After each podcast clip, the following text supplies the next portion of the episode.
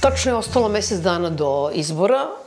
Obojica ste u različitim prilikama izjavili da očekujete da će izborni uslovi e, za ove izbore biti gori nego što su bili. Ajde da probamo sada da, da to argumentujemo. Možda za početak Nemanja nešto što se striktno ne odnosi na samo finansiranje stranaka u onom klasičnom smislu reči, nego ovo što, o čemu se sve više govori, to je mogućnost premeštanja birača ili selibet birača.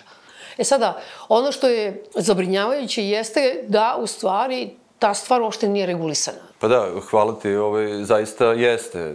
Tako da su izborni uslovi iz nekih razloga gori nego što su bili inače.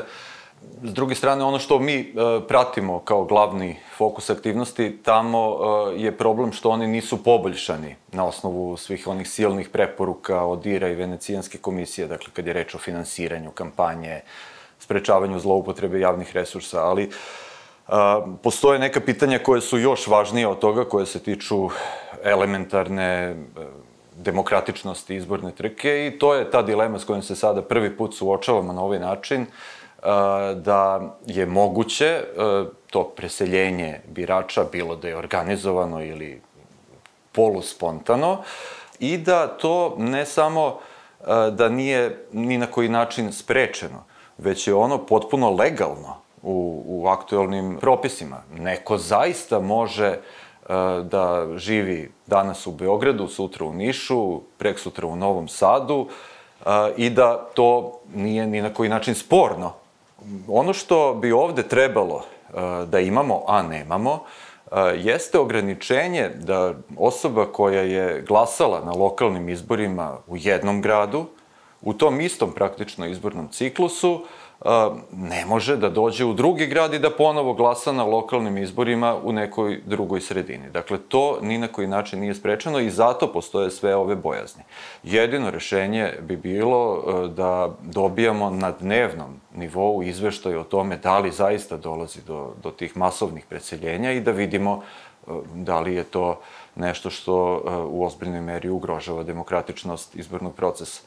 A e, kad sam rekao da su uslovi gori nego što su bili uh, inače, imam u vidu još nekoliko drugih stvari. Da smo mi u ove izbore ušli sa nekim uh, nerazjašnjenim stvarima koje su se dešavale između dva izborna ciklusa. Dakle, nije nikakva novina, naravno, da se angažuju javni službenici, zaposleni po javnim preduzećima da rade nešto za partiju, ali smo sad u ovih poslednjih godinu dana imali direktna svedočenja koje govore o tome, koja uopšte nisu bila ispitana ni od jednog, ne samo od tužioca, nego ni, ni od bilo kog drugog organa. To je bilo, bio, bio slučaj one žene. Gospođa jedna koja radi u EPS-ovom, eh, od, u EPS-ovoj jednoj ispostavi, koja je javno svedočila, govorila na, na televiziji N1 o tome da je bila zaposlena u tom javnom preduzeću po partijskoj liniji, ajde, što znamo da se dešava inače, ali da je njen jedini posao u stvari bio da postavlja objave na društvenim mrežama gde bi kritikovala protivnike političke tamošnjih predsednika opštine. To nije ispitano. Nije ispitano ništa što se tiče ovog velikog mitinga koji smo imali u maju, e, koji je bio veoma skup, gde se otvorilo pitanje i zakonitosti troškova. Dakle, sve su to neke stvari sa kojima smo ušli u ovaj novi izborni ciklus, koje nisu razrešene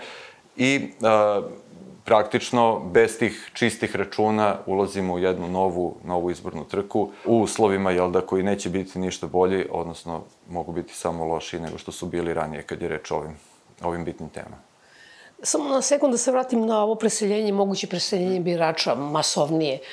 To je pogotovo aktualno sada, jer mi posle dužeg vremena imamo relativno neizvesnu situaciju na nekim izborima. Govorimo o Beogradu, je li? Da. Tako da je utoliko pre bi moralo da se kontroliše ta situacija. Pa postoji, postoji sigurno motiv da do preseljenja dođe, postoji mogućnost jedino što nemamo za sada je neki efikasan sistem kontrole. Jer ono što postoji trenutno, to su podaci o broju upisanih građana u biračke spiskove po opštinama, koji se ažuriraju, mislim, s vremena na vreme, mislim da je period e, tri meseca. Ali, ukoliko dođe do nekih značajnijih promena, smatram da bi e, bilo nužno da se one prate na dnevnom nivou i da e, se vidi ne samo koliko je birača upisano u pojedinim gradovima, već i da li su ti ljudi takođe bili ispisani iz nekih drugih lokalnih samouprava, a ne da se provere vrše onako kako je jedan opozicioni poslanik nedavno opisivao da mora svaki građanin koji ima koji je vlasnik stana da ide u SUP u Ljermontovu, da tamo dobije spisak koji je kod njega prijavljen, da čeka na, na do mesec dana i tako dalje. To očigledno nije način efikasan da se proveri da li ima nekakvih, e, nekakvih upisa u birački spisak koji građanima nisu poznati. Često se u javnosti kao dokaz da postoji problem sa, sa upisivanjem birača, navode podaci o, o broju punoletnih e, građana popisani na, na popisu posljednjem i broj onih u biračkom spisku. Ali treba imati u vidu da su u biračkom spisku i ljudi koji nisu popisani, koji su se ocelili. S druge strane, kada je zaista ogromno odstupanje, pitanje je da li se toliko ljudi ocelilo pa nisu popisani. Da, da, imamo naravno i ono pitanje da velikog broja ljudi koji imaju biračko pravo na, na nacionalnim izborima, zato što su državljani Srbije, ali faktički ne žive u Srbiji. Recimo veliki broj uh, državljana Bosne i Hercegovine ima dvojno državljanstvo ili Crne Gore i tako dalje, tako da nije sporno naravno da oni učestvuju na, na parlamentarnim izborima, ali uh, po prirodi stvari ne bi mogli da učestvuju na lokalnim, tako da ukoliko se i neki od tih građana jel da dosele u Beograd, to je takođe nešto što bi e, moglo da se registruje, što nije specifično samo za ovaj izborni Ali, ciklus, već i za rad. Slažem se da, i, i ta, da tada takođe imaju glasačko pravo, što je ponovno opet pravo. legitimno, kao Milorad Dodik koji glasa na lokalnim izborima u Srbiji u vreme kada je predsedavajući predsedništva BiH. Da, da, imali bi, znači to je pitanje u stvari, da li bi imali pravo, odnosno imali bi pravo učešća i na lokalnim izborima. Kad govorimo o pogoršanju izbornih uslova, šta je još gore nego što je bilo i što ima tu tendenciju? Prvenstveno ono što je naj, što se najviše razlikuje jeste što smo 2022. godine imali izbore za predsednika i tu smo imali Aleksandra Vučića, kandidata za predsednika i predsednika SNS-a. I stvari su bile prilično jednostavne. Znači, on s jedne strane nastupa kao SNS-ov kandidat za predsednika i kao lider partije na stranačkim mitinzima, a ima neke aktivnosti kao predsednik Srbije. Ovo je sada specifično što je on član SNS i predsednik Srbije i nemamo predsedničke izbore i a, u ovom prethodnom periodu videli smo vrlo malo njegovih klasičnih promotivnih aktivnosti. Da, a, da on ide i da posećuje gradilišta, otvora fabrike, ali imam evo jedan ovaj, jedan pregled kako je to izgledalo na tim prošlim izborima po nedeljama, gde se u stvari vidi koliko je imao po nedeljama obraćanja i konferencija koje su prenošene uživo, gde on kao predsednik Srbije govorio o nekakvim navodnim aktualnim problemima, u stvari je ponavljao stalno jednu te istu priču, koliko je imao gostovanje na TV-u, intervjua uf, kao predsednik Srbije. I onda je stalo u onih dve nedelje pred izbore kada je želeo da dokaže i pokaže da su one zakonske izmene efikasne i da će suzbiti predsjedničku kampanju. Ali šta vidimo u tom periodu? Ova kriva ovde, to je novac uložen u oglašavanje. I odjednom u tom periodu silno raste, to je bum koliko se ulaže u prisustvo kandidata Vučića u plaćenim oglasima i na taj način se pojavljuje i naravno pojavljuje se u ovim gostovanjima na TV intervju. Sada još uvek nemamo tu klasičnu funkcionersku kampanju od strane Vučića, ali imamo njega koji se kao predsednik Srbije, znači on je na tim skupovima SNS-a najavljen kao predsednik Srbije. Većina ostalih govornika su najavljeni kao funkcioneri SNS-a. Znači, Ana Brnabić, predsednica gradskog odbora SNS-a, Vučević, podpredsednik SNS-a. Jedini koji je bio najavljen kao funkcioner je kandidat za poslanika Dejan Ristić, beše. Direktor muzeja. Muzeja genocida ili tako nešto. A, znači, Vučić svuda najavljen kao predsednik Srbije, sa prvog skupa sa nazvanih strana vrišti predsednik Srbije oštro podviknuo iz Leskovca. E, na sledeće dva skupa u Pirotu i Smederevu, pa se on javlja samo kao Vučić i onda sam Vučić otkriva zbog čega se to čini, jer nemamo predsedničke izbore, on želi da se birači identifikuju da je ovo ipak glasanje o njemu.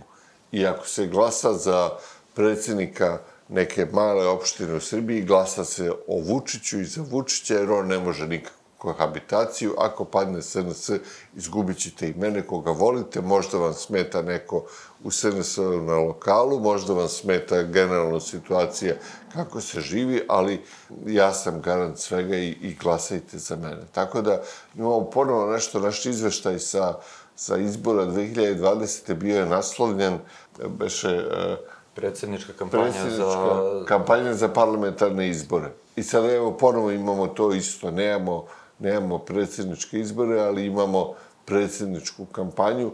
S druge strane, što se tiče opozicije, ovaj, odgovorim i na pitanje zašto mislim da je, da je, da je mnogo ovaj, lošije. Sad, na primjer, za ovih 14 dana Vučić je 68 imao pozitivnih, od toga glavna tema je bio 17 e, puta, a imao je negativni 13 kao glavna tema 5.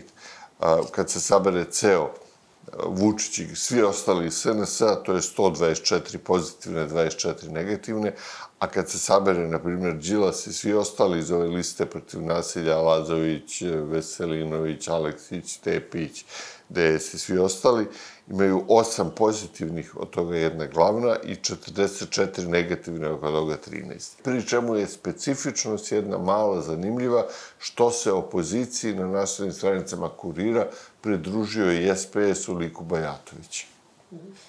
Ja, smem ja nešto, Zlatko, da pitam pre nego... Jel ti hoćeš da kažeš sa ovim grafikonom da ovo što rade funkcionersku kampanju hoćeš da uporediš sa finansiranjem stranaka za reklame i hoćeš u stvari da kažeš da da je ovo, ova investicija na funkcionersku kampanju, to kad rade te promotivne aktivnosti, vidljivi su u medijima, da. da u stvari to vredi praktično isto kao kad se upumpaju ove silne pare za reklame, za zakupljene termine. To je u stvari teza. Pa, verovatno Jer... i, i u stvari pokazuje mehanizam medijske dominacije. Da. Znači, mogu da smanjim gas ovde, a da ga dodam ovde. Znači, može da se balansira kad imaš ogroman novac na raspolaganju, imaš otvorene medije za promotivne aktivnosti, otvorene medije za gostovanja, otvorene medije za ona takozvana obraćanja i onda ti imaš prostor neverovatan da balansiraš kako želiš da utičeš na mnjenje i da ispituješ maltene svaki dan šta bi oni danas više voleli. A da, u stvari kad budemo govorili o novcu i mi ćemo govoriti o onome što se direktno investira u reklame, ali sve ovo o čemu pričamo o funkcionarske kampanje u stvari znači da množimo taj vrednost, vrednost tog predstavljanja nekim multiplikatorom 4 ili 5. Ono što je ipak specifičnost ovde jeste da kada govorimo o troškovima, ovim finansijskim troškovima direktnim za kampanju, uz razliku od mnogih zemalja, ovih zapadnih pogotovo, jeste da u stvari sve to plaćaju građani iz budžeta. Nema tu privatnih donatora, niko ne uzima kredit, nikome ništa ne treba, dovoljno im je novac iz, iz budžeta, jeli? Prošle godine je izmenjen zakon o finansiranju političkih aktivnosti. Koliko sam videla, vladajuća stranka ima dve stvari od koje ne, ni po celom života neće da odustane. Jedno je, dakle, da se ne ograničava novac koji jedna stranka može da potroši za kampanju. I druga stvar je ono čemu smo davno pričali, a to je da se drže čvrsto onoga da novac koji građani iz budžeta odvajaju za normalan rad stranke, redovan, može da se prebacuje i u kampanju. Na taj način zapravo velike vladajuće stranke su u startu više struko a, favorizovane u odnosu na, na sve ostale. Koliko sam videla, vaša aproksimacija je da će ovi izbori da koštaju oko 25 miliona evra, zvanično. Tih 25 miliona to u stvari uključuje ne samo ono što ide za izbornu kampanju, za njeno finansiranje, već je to nešto što obuhvata i troškove organizacije izbornog procesa, štampanja listića i pogotovo naknade za članove biračkih odbora, kojih u stvari ne znamo koliko će da ih bude. I to zavisi u stvari više čak i od opozicije nego od vlasti, od toga koliko će opozicione stranke biti kadre da nađu pouzdanih ljudi i da ih pošalju tamo na biračka mesta, da prate izbore, da budu članovi biračkih odbora u proširenom sastavu, jer smo videli da u mnogim slučajevima ta mesta na koje je opozicija imala pravo nisu uopšte bile popunjene. Dakle, to je najznačajniji trošak same te organizacije izbora i tu govorimo o nekim legalnim troškovima, da je to nešto što se može očekivati da će iz budžeta biti plaćeno tih, recimo, 25 miliona evra. Ono što se ne vidi, naravno, što neće biti prijavljeno ni u jednom izveštaju, niti prikazano u završnom računu budžeta, jesu svi oni troškovi koji će nesumnjivo postojati uh, za angažovanje, recimo, ljudi zaposlenih u javnom sektoru, da tokom kampanje tamo prikupljaju nekakve sigurne kapilarne glasove, videli smo da toga već ima, da se angažuju uh, na internetu, na društvenim mrežama, da hvale, jel da, ove, stranku, da izlaze na neke mitinge. I ono što je vidljivo, a nije zvanično upisano u kampanju, uh, su razni programi uh, državnih organa gde se novac rasipa ili se ciljano deli pojedinim kategorijama građana. Videli smo da će penzioneri, recimo, dobiti, eto, baš sada, koliko, dva, beše 20.000 dinara.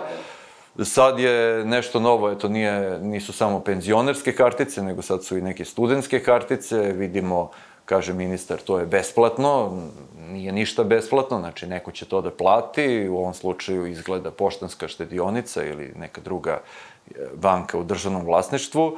Vidimo e, takođe nešto što možda građani ne prepoznaju odmah kao izbornu kampanju, a i tekako jeste. Evo, Beograđani su, na primer, dobili obaveštenje u poslednjim kovertama ko je dobio te koverte pošto je štrajk da. poštara, pa nisu baš stigle svuda redovno. Znači, evo, ja sam dobio i video sam tamo letak gde grad ponosno obaveštava i Infostan da su oni odlučili da izađu u susret građanima i da odobre reprogram dugova i onaj ko nije plaćao Infostan dobit će popust, čini mi se, 15%. Ako ne pripada ni jednoj ugroženoj kategoriji.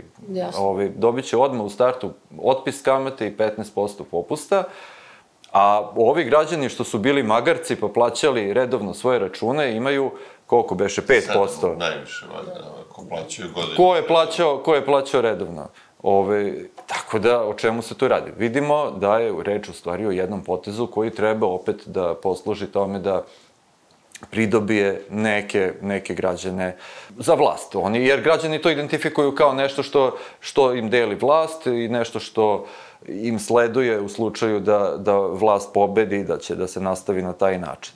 Dakle, to su neki troškovi koji su, uh, koji se mogu identifikovati, enormni su, ne mogu se u potpunosti ni proceniti, kažem, neki mogu, neki ne mogu, jer ne znamo, mi zapravo ne znamo koliko ima tih zaposlenih u javnom sektoru. Imamo samo, šta imamo? Imamo one informacije koje je objavio Twitter, uh, gde je bilo reč, čini mi se, od 8000 naloga, imamo ono što je objavio Meta, se zove kompanija za Facebook i za Instagram, tu je bilo preko 10.000 nekih naloga, od kojih kažu da su tu i neki državni službenici.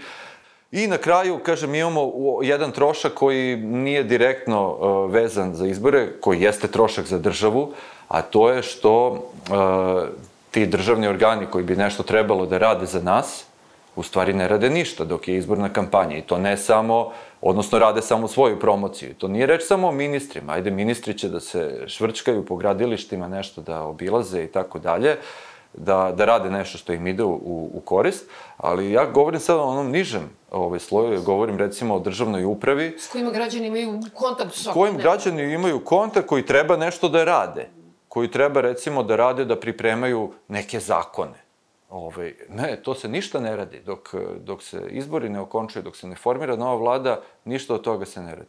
Šta sam zaboravio za javne preduzeće, pomenuo sam Infostan koji e, se odriče praktično nekih svojih prihoda, ali e, imaćemo sigurno i javna preduzeća koja se angažuju u izbornoj kampanji, navodno obavljajući svoje poslove, a u stvari služeći tome da se ugase neki požari, da se investira, eto, pred izbore tamo gde je osetljivo, tamo gde građani možda će da uskrate e, podršku, ako ne dođe jel, do te investicije, kao što smo imali onaj slučaj sa Drobnjakom 2020. kad je otišao na selo kod Leskovca i obećao asfaltiranje puta da bi ljudi izašli na izbore, a da ih ne bi bojkotovali.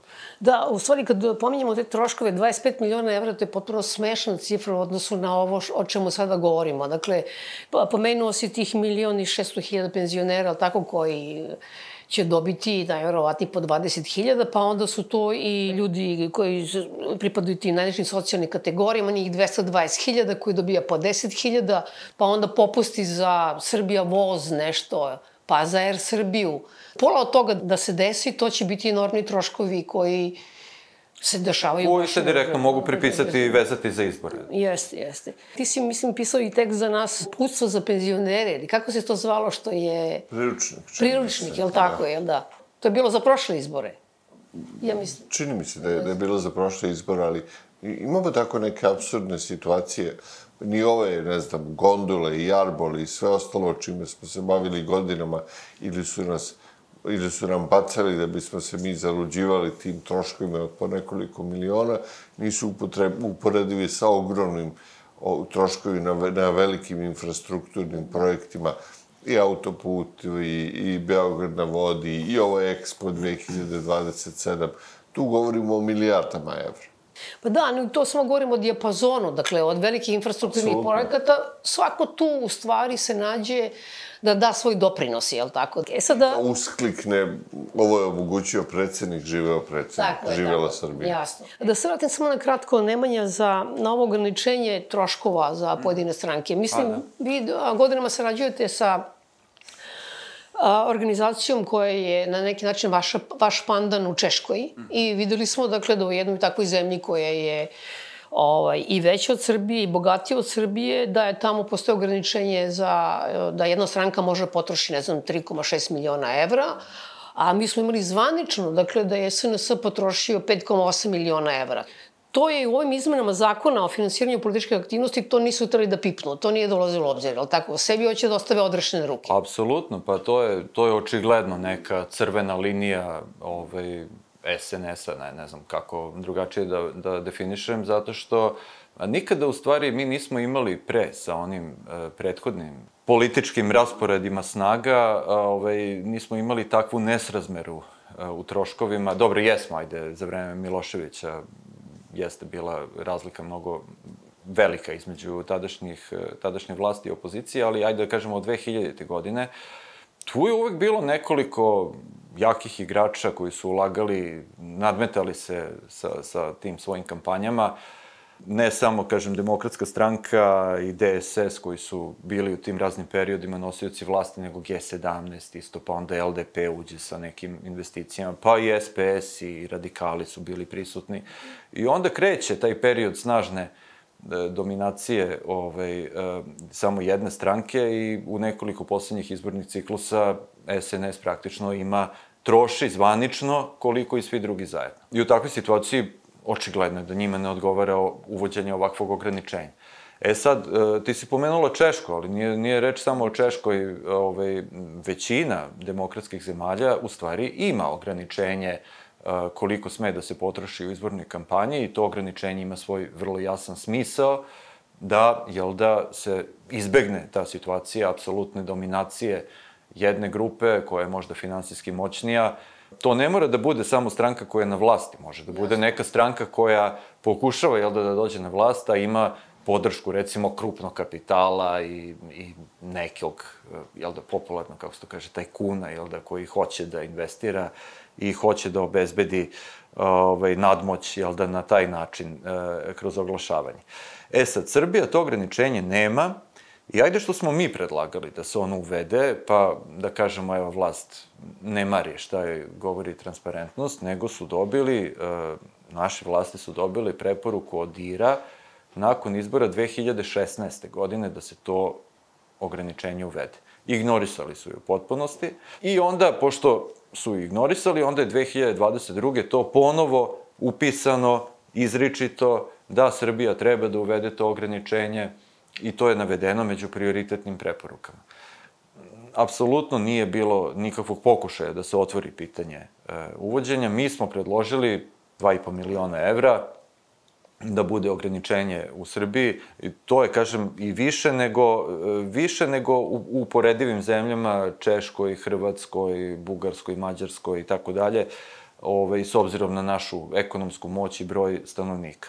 Ali taj predlog je ignorisan i tako da ćemo sasvim sigurno i ovde imati imati ovaj, opet dominaciju eh, SNS-a u tim troškovima izborne kampanje, koja će možda biti za nijansu blaža nego ranije iz nekoliko razloga.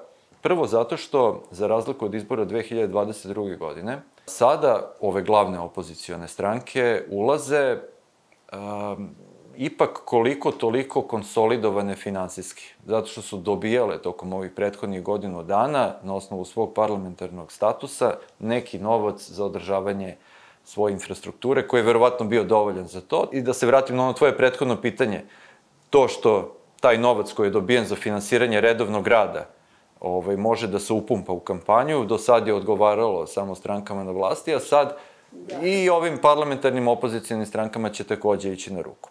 E, to je jedan razlog. Drugi razlog, što opet potpuno neprovereno, zato što nemamo potpune informacije, e, izgleda da se SNS malo istrošio. Više možda nego što su e, nego što su im bile te legalne mogućnosti za ovaj uh, miting u, u maju i za one mitinge koji su održani pre toga u nekoliko gradova ovaj, koji nisu zvanično bili partijski, ali su dovođeni partijske pristalice. To je sve koštalo nekoliko miliona evra, ne znamo koliko pokušavamo da utvrdimo, pozvali smo agenciju da utvrdi, ali ajde da kažemo, govorimo a, govorimo o nekim iznosima između 2,5 i 5 miliona evra, verovatno.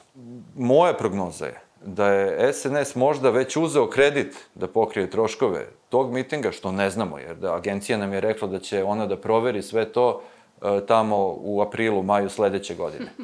Dobro, ako misle da to tako treba, u redu. Dakle, verujem da su oni ili uzeli već kredit ili da će ga uzeti sada za kampanju, a to je nešto što nisu radili e, već duži niz godina a, na onim izborima ranijim ili su koristili u potpunosti budžet i ove pare e, koje su za e, namenjene jel da, ove, za finansiranje redovnog rada, ili su imali onaj sistem sa a, hiljadama nekakvih a, navedenih donatora, jel da, koji su svi, eto, naprasno odlučili da daju po 40.000 dinara i gde je sam gospodin Vučić u ostalom objašnjavao da je to novac koji ne pripada tim ljudima koji su prikazani, jel da, znate ono priču, onaj treći čovek iz kafane. Neka prognoza... Ono 7.000 ljudi po 40.000 dinara. Ma da, da. I, i znate kako se to završilo? To je, tužilaštvo je reklo da tu nema osnova za krivično gonjenje. Ispitali su valjda desetoro od tih 7.000, eto, to im je bilo dovoljno da dođe do zaključka, a pritom je od tih desetoro valjda četvoro reklo da, da, da, mi smo dobili pare da to uplatimo. Ili, to, ili ja i ne znam da sam to uplatio. Tako. Znači, ako to nije bilo dovoljno da ispitaju preostalih 6990, ne znam šta bi bilo. Postoje dva nivoa problema. Jedan je a, onako jedno, ajde, opšte zalaganje da moramo da idemo regularnim pravnim putevima, da nemamo ni nikakvu alternativnu agenciju, alternativno tužilaštvo, tužilaštvo u hladu ili u senci. Tu se onda suočavamo sa onom famoznom situacijom, pustite institucije da rade svoj posao, a najčešće taj posao im je nametnut u smislu da daju nekakve indulgencije, da zaključe da je sve u redu, da neko nije prekršio zakon. Sa agencijom smo imali ogroman problem u proteklim ciklusima, da ona neke prijave je ubacivala bez rešenja. Ona je uzvraćala na prijave nekakvim dopisima, dopisnicama, razglednicama, da je ona to razmotrila, ali da nije otvorila postupak i da je zaključila, ne, ne da nije prekršen zakon, nego da nema osnova da otvara postupak. A u kakvom postupku je zaključila da nema osnova da otvori postupak, to je ostala misterija. I onda zbog toga Nije postojao pravni lek. Nemaš akt na koji ćeš da, da se pozoveš, da se žališ.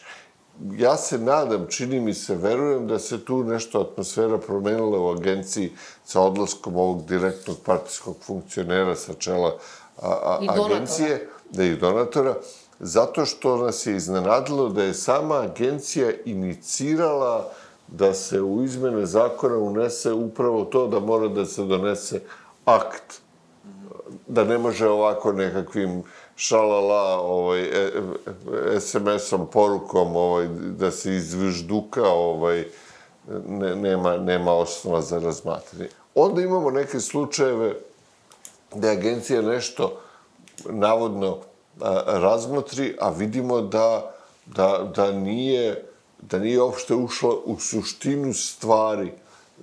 Bilo je sa onim nekim snimcima Cincija sada upravo, čini mi se, Da, da. pisao o tome za zloupotrebe automobila. Ovo je dostave fotografiju i kaže, evo, ovo je sumnja da su ovde zloupotrebljeni službeni automobili za partijske svrhe.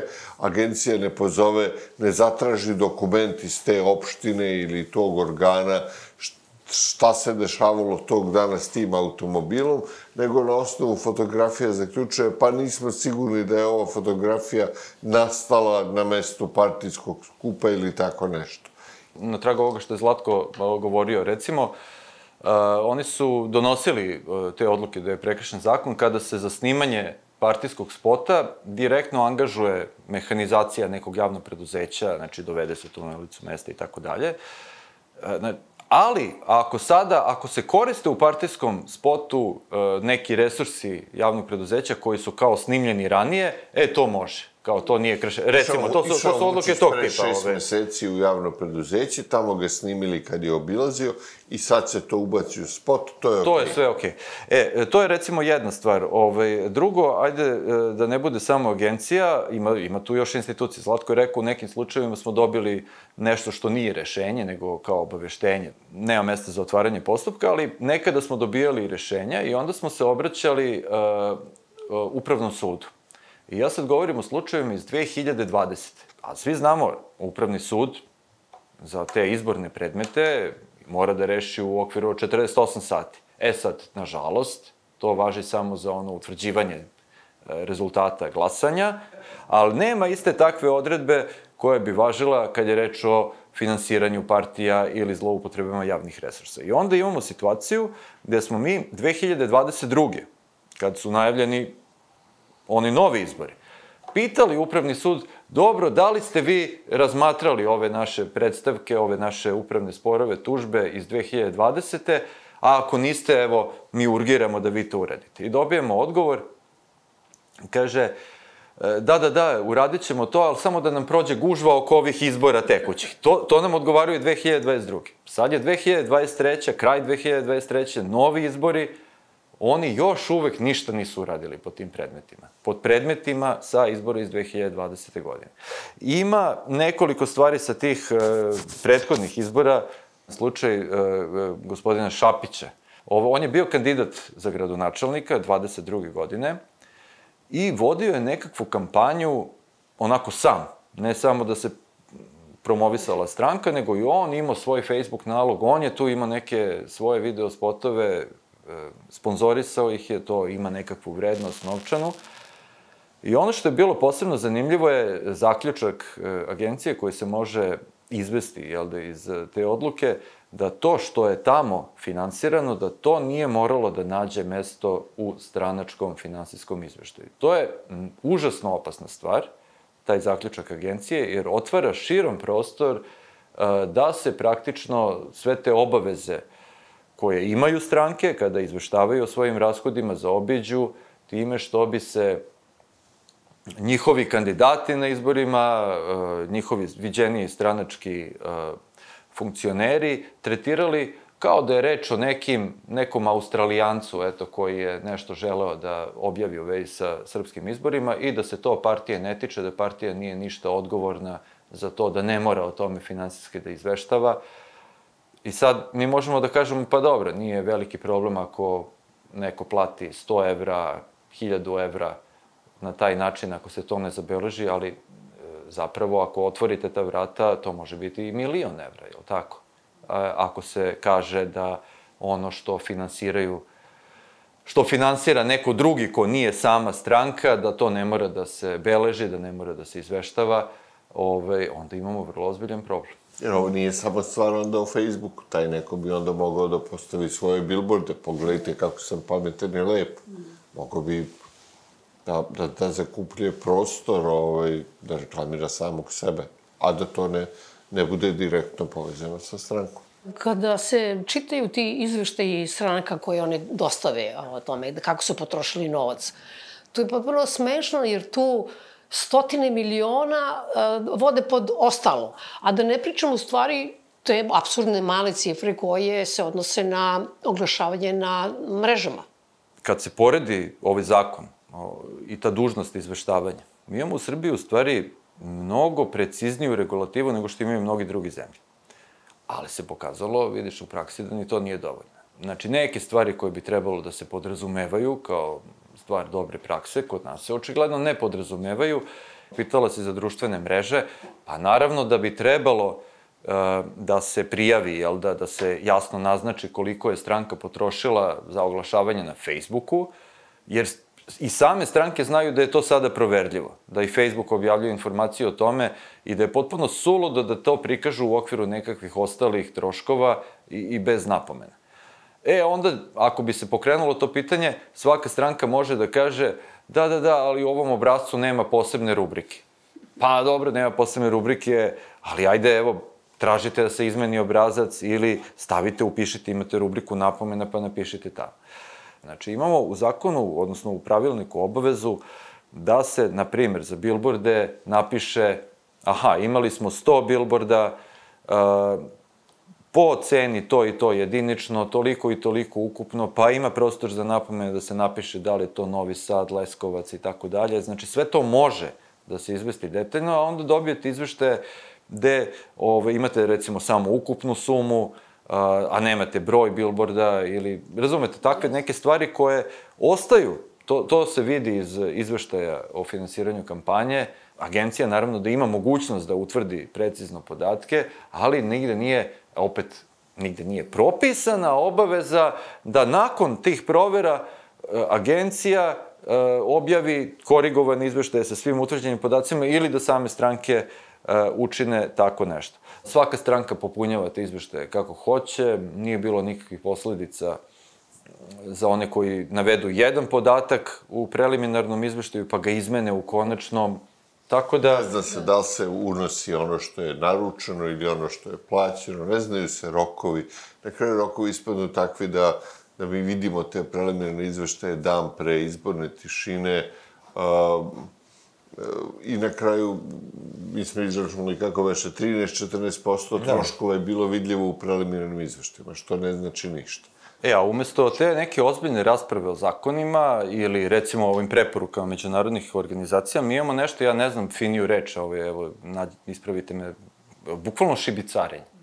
Znači, to, je, to smo imali recimo sad sa ovim medijskim zakonima kad su donošeni i tu se videlo, aha, znalo se šta mora da uđe na osnovu medijske strategije, pa jel da onda je vlast imala svoje interese, nešto da ubaci što tamo nije bilo ova priča oko Telekoma, A onda, za neke stvari koje se znalo da tu moraju da budu ovaj, izmenjene, poput recimo, ne znam, saveta za štampu uh, i njegove uloge, uh, i poput regulisanja uh, ove, ovog pitanja vezano za, za izbornu kampanju, e, to je onda postalo predmet trgovine. Pa je došao zakon u Skupštinu bez toga, pa onda kao, evo, u poslednjem trenutku, kao čine se neki ustupci, i šta smo onda dobili? Šta mediji smeju da prenose ovaj, pred izbore, dobili smo odredbu prema kojoj neki mediji, jel da, elektronski, televizije i radiostanice ne smeju da prenose informacije o nekim aktivnostima nekih funkcionera i u nekom periodu, znači samo 30 dana pred izbore. A evo, da su hteli makar da ispune preporuku od DIRA koja uh, je bila data za to, oni su uh, trebalo da, da obuhvate makar ceo izborni ciklus, zato što tako je, recimo, DIR rekao, nisu čak ni to hteli. E, to će biti sledeći put, za neke sledeće izbore će To, to je to što ja zovem šibicarenje. Znači, e, sad ćemo... Time će da se cenkaju, e, da. E, da, nije šibicarenje, cenkanje, da. Cenkanje, ovaj, e, znači, e, da, sad je bilo 30 dana, e, sad će da produže sledeći put na 45 dana. Ili će možda na 35, ne znam. Ti si pomenuo šta radi, odnosno šta ne radi upravni sud. Pa smo govorili o Agenciji za borbu protiv korupcije, pa o tužilaštvu. Ovde kao da izbori, sa svakim izbornim ciklusom, u stvari imamo dalje narušavanje tih ono bazičnih državnih institucija koje su potrebljene i ispljunute bukvalno posle jednog izbornog procesa. Imamo u ovoj izbornoj kampanji neke pa, pa ide stvari koje su onako šokantne, neprihvatljive na tim naslovnim stranama, da na, u, u najavama izveštaja sa sahrane pastora, Ištvana Pastora. Ištvana Pastora dominira Aleksandar Vučić da imamo sada smrt Žarka Lauševića, u tri tabloida uspeo je da se na glavnoj temi umre Žarko Laušević nađe Aleksandar Vučić. Neverovatna situacija. Znači, to je taj malo širi krug onih koji omogućavaju takve, ovaj, takvu atmosferu. Kad institucije ne rade svoj posao, onda ne znam, ne znam šta mnogo preostaje, a ovaj, mi se stalno uzdamo eto, da će nam pomoći ti strani posmatrači, da, da će to dodati neko uozbiljenje ovaj, i odnosu naših vlasti prema, prema izborima, prema uh, tim nepravilnostima. Dobro bi bilo zaista da, da dođe od i da napišu neki novi izveštaj ponovo, ali ako, ako ne bude postojala zaista volja, spremnost uh, i kod e, šire kruga ljudi da im ovo bude bitno, onda nema ni vlast neki razlog e, da menja stvari, a bojim se da ne možemo, ne da se bojim, nego sam siguran da ovo nije stvar koju možemo da prepustimo uh, samo strankama da se oko nje dogovaraju, jer smo videli kako to ispadne kada, kada se tako radi. Prošli put kad je, kad je bio onaj dogovor o izbornim uslovima, apsolutno jedino pitanje koje je bilo predmet razmatranja kad je reč o finansiranju kampanje je bilo koliko će koliko će iz budžeta da se deli i na koji, po kojim kvota. Evo, pričali smo o hiljadu drugih važnijih stvari, znači to nikada nije bilo ovaj, predmet nekog ozbiljnog razmatranja i, a, znači, moramo da, moramo da vršimo neki pritisak da postane. Na, na Riku vi možete da podnesete ovakvu gomilu dokaza da nešto sa izborima nije u redu, a RIK može onda većinom glasova da zaključi da je sve u redu, može većinom glasova da, da zaključi da je zemlja ravna ploča, ako neko sumnje još uvek da jeste. I samo moram da se nadovežem nešto što je Nemanja rekao u vezi sa izveštajem od IRA. Sve je lakši posao ljudima koji dolaze u emisiju od IRA, zato što mogu da uzmu izveštaj od prošle godine, da ga iskopiraju i da ga malo dorade jer se malo šta promenilo. Mi nemamo mentora u inostranstvu, ni u ODIR-u, ni u Savjetu Evrope, ni, ni bilo gde ko će sad posebno da brine za Srbiju, za njene izborne uslove, za izborne zakone. To su ljudi profesionalci koji profesionalno obave svoj posao, koji daju te preporuke, tamo neko drugi posle proveri da li je to ispunjeno, nije ispunjeno, ali oni to rade bez emocija, oni to rade kao što rade za Srbiju, rade za Dansku, rade za Gruziju i mi ne treba da živimo u nekakvim iluzijama da će to nama da promeni, jer će nekome ovde, jer je to nekome ovde jako stalo da ispuni preporuke od IRA. Nije.